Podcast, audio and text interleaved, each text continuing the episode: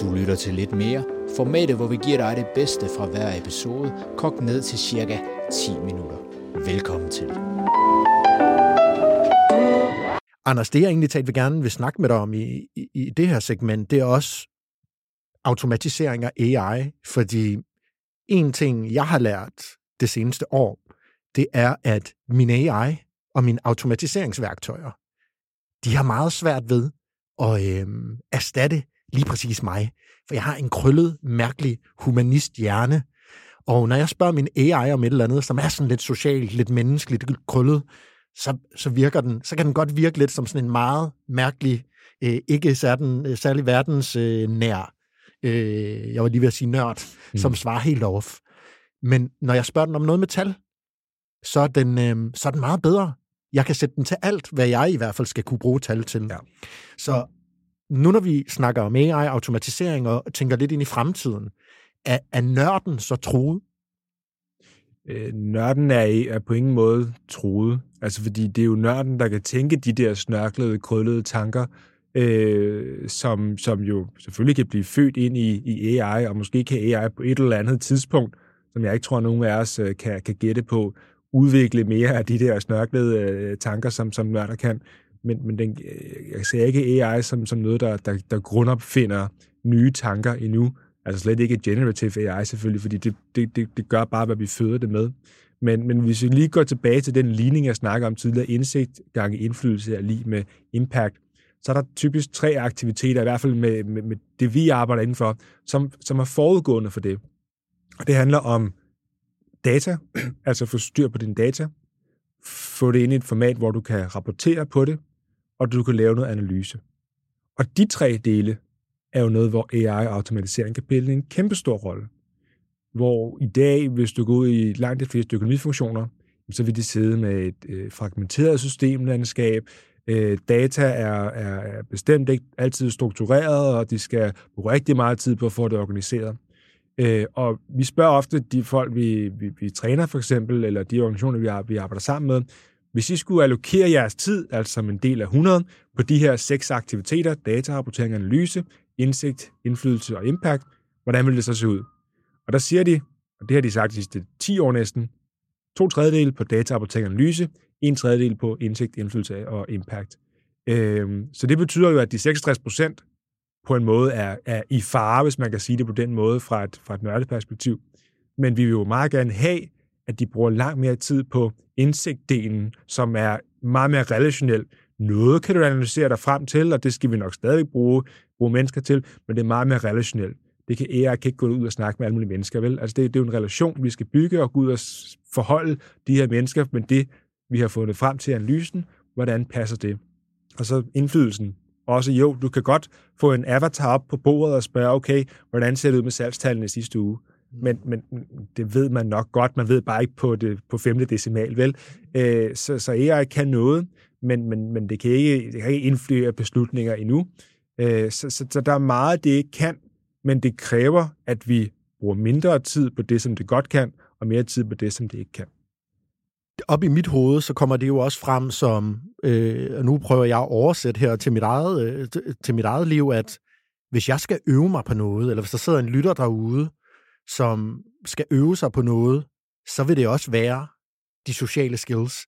Fordi uanset hvor dygtige AI's bliver, så er de svære at kaste ind i et eller andet rum og skabe en relation over en kop kaffe. Altså, der er vi langt fra, og forhåbentlig kommer vi aldrig dertil. Mm. Så hvis man skal lægge sine penge på noget, hvis man skal investere i noget, så er det måske det relationsskabende, fordi AI kommer til at kunne være vores personlige assistent i så øh, høj en grad, at vi måske mere skal rette lidt på den, den kommer med de der 66 procent, som du nævnte, og så må vi selv øve os i de sidste 33 og blive kanon gode til dem.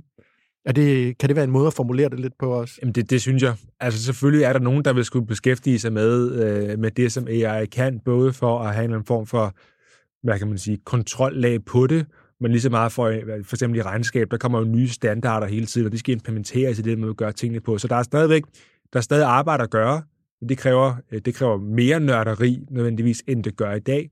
Så, så det der vil sige, at nørden er ikke troet på den måde. Men der vil være mange, som måske nørder af data og rapportering i dag, som skal til at, at lære mere af de her social, øh, social skills. Nu er du en farlig mand at spørge, Anders, fordi du øh, jo også er både thought leader, og du repræsenterer jo også en, der gerne vil lære folk noget. Men jeg vil spørge dig alligevel. Jeg vil jo spørge dig, hvad vil du gøre, hvis du sad derude og kun var god til tal? Eller kun var god til en... Det behøver ikke være tal. Det kan også være en anden ret nørdet niche. Du var et niche-menneske. Hvad vil du så gøre lige nu? Du skal jo gøre, som jeg har gjort. Altså, du nævnte selv, Jonas, tidligere, det tog mig 10 år at blive god til det, og nu har jeg jo dedikeret mit, mit professionelle virke i hvert fald til, og det er, det er every waking hour i, i det her, til at hjælpe andre til at blive gode til det, og forhåbentlig gøre det på kortere tid end mig. Så hvis du skal investere i noget, så er det jo at prøve at udvikle dine, dine kommunikative evner, dine relationelle evner, og dine, øh, hvad kan man sige, jeg kan kalde præferenceevner, altså at forstå dig selv og forstå andre. Mm. Øh, det vil jeg helt sikkert bruge rigtig meget tid på. Og, og hvordan kan man gøre det praktisk? Jo, selvfølgelig kan man tage kan man træning, og man kan studere osv., men, men prøv, lad os bare sige en gang om ugen, fordi vi skal ikke være for, vi skal ikke være for voldsomt dem. Prøv en gang om ugen at have en samtale, og det kan være på arbejdspladsen jo, med en fra en anden afdeling end din. Eller et menneske, som er anderledes end dig. Prøv at have en kop kaffe med dem, eller spise en frokost. Bare for at, at mærke på dig selv, hvordan er det? At tale med en person, som ikke sidder i din sektion eller din afdeling og arbejder med præcis det samme som dig. Hvordan er det? Øh, fordi det, du, skal jo, du skal jo mærke det. Så kan det være, at du tænker, det var sgu ikke så farligt. Det, det vil jeg gøre igen. Eller, uh, det var godt nok svært at have sådan en samtale. Men så kan man jo reflektere og sige, kunne jeg måske, kunne jeg måske spørge nogle andre ting næste gang, eller skulle jeg måske dele mere ud af mig selv, eller, men, men, men hvis ikke man prøver det, så, så, så kommer man ikke så meget videre. For du kan ikke, altså, du kan ikke lave en anden form for, for skrivebordsanalyse i at være, være god til mennesker. Altså, det, det, du skal jo ud og opleve med andre mennesker, og det skal gerne være andre mennesker, der er anderledes end dig selv. Her er rapporten. Ja, men altså, her er alt, øh, du, du skal gøre for at lære om andre ja. mennesker. Og hvis du vil høre, hvor god jeg er til at have med mennesker at gøre, så kan du læse den. Ja, præcis. Ikke? Det, det, det duer ikke helt. Vel? Så, så, så prøv bare at gøre det. Det synes jeg er et sindssygt god, konkret handling, man kan tage med ud, som er ufarlig på den måde, at der er ikke så meget tab. Ja. Altså, jeg vil sige, øh, Anders, en af de ting, jeg har gjort, hvor jeg måske lige bygger et mere et risikoniveau mere på det, du siger, inde i vores mentorforløb mere, der har jeg øh, i et halvt år haft et ugenligt forum, som jeg kalder mere 333. Det vil sige, jeg har inviteret folk til, vi har mange forskellige mennesker, til at træde ind i deres thought leader og ekspertrolle. Jeg har sagt til dem, lav tre slides, tre sætninger, tre ord. Meget simpelt. Og så skal du sådan set egentlig tage et, formulere dig selv som en ekspert. Og det skal du kunne gøre i 15 minutter. Hvad er din kompetence? Hvordan vil du formulere den her kompetence foran mennesker? Det jeg oplever, det er, når folk skal ind i det, det er meget grænseoverskridende. For det første at tage en ekspertrolle på sig, selvom vi alle sammen er eksperter til et eller andet. Og så for det andet at skulle fortælle det og formulere det på en eller anden måde, sådan at vi er tilbage ved trekanten, ikke? Mange kan komme til at sidde og dvæle lidt fem minutter ved deres introduktion. Sådan, ja, at du var pædagogmedhjælper i 2012 øh, eller 2014, øh, det er måske ikke det mest relevante. Nej. Lige her. Det kan godt være, at det er det et andet sted, hvis du skulle ud og lave noget andet. Så øh, det kunne måske også være en opfordring øh, fra mig at sige, hvordan kan du ret simpelt begynde at tænke i dig selv som en ekspert eller en øh, kapacitet i hvert fald, der kommunikerer din kapacitet. Ja, der kan man jo faktisk godt bruge for eksempel øh, altså alt det her generative AI, ChatGPT og hvad det nu ellers er. Der kan du jo godt sige, øh, forklar mit speciale, som om øh, modtageren var, var 20 år, eller var et barn, eller, eller hvad det er. Det kan den jo rent faktisk godt finde ud af. Det kan ikke finde ud af at være nørd på samme måde som dig, men når du skal kommunikere det til andre mennesker, som ikke forstår dit nørderi, så er det jo lige præcis det, du skal bruge. Ja. Øh, og det er sådan noget content, for eksempel på, på LinkedIn, øh, det er utroligt populært, fordi alle kan bare forstå det helt intuitivt. Ja. Øh, og jeg siger ikke, at du skal betragte direktøren i din virksomhed, som ikke forstår din nørderi, som, som et, som et 8-årig barn, men, men du kan jo godt lære af at sige, okay, hvordan forsimpler jeg de ting, jeg gør, til nogle budskaber, som en, en hver idiot, så at sige, havde sagt, kan forstå. Ikke? Ja.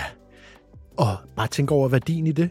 Hvis øh, du går fra en målgruppe, der hedder de 2% mellem øh, 38 og 42, til at sige øh, 90% af Danmarks befolkning faktisk kan forstå din historie, din værdi, så er du nået langt. Præcis.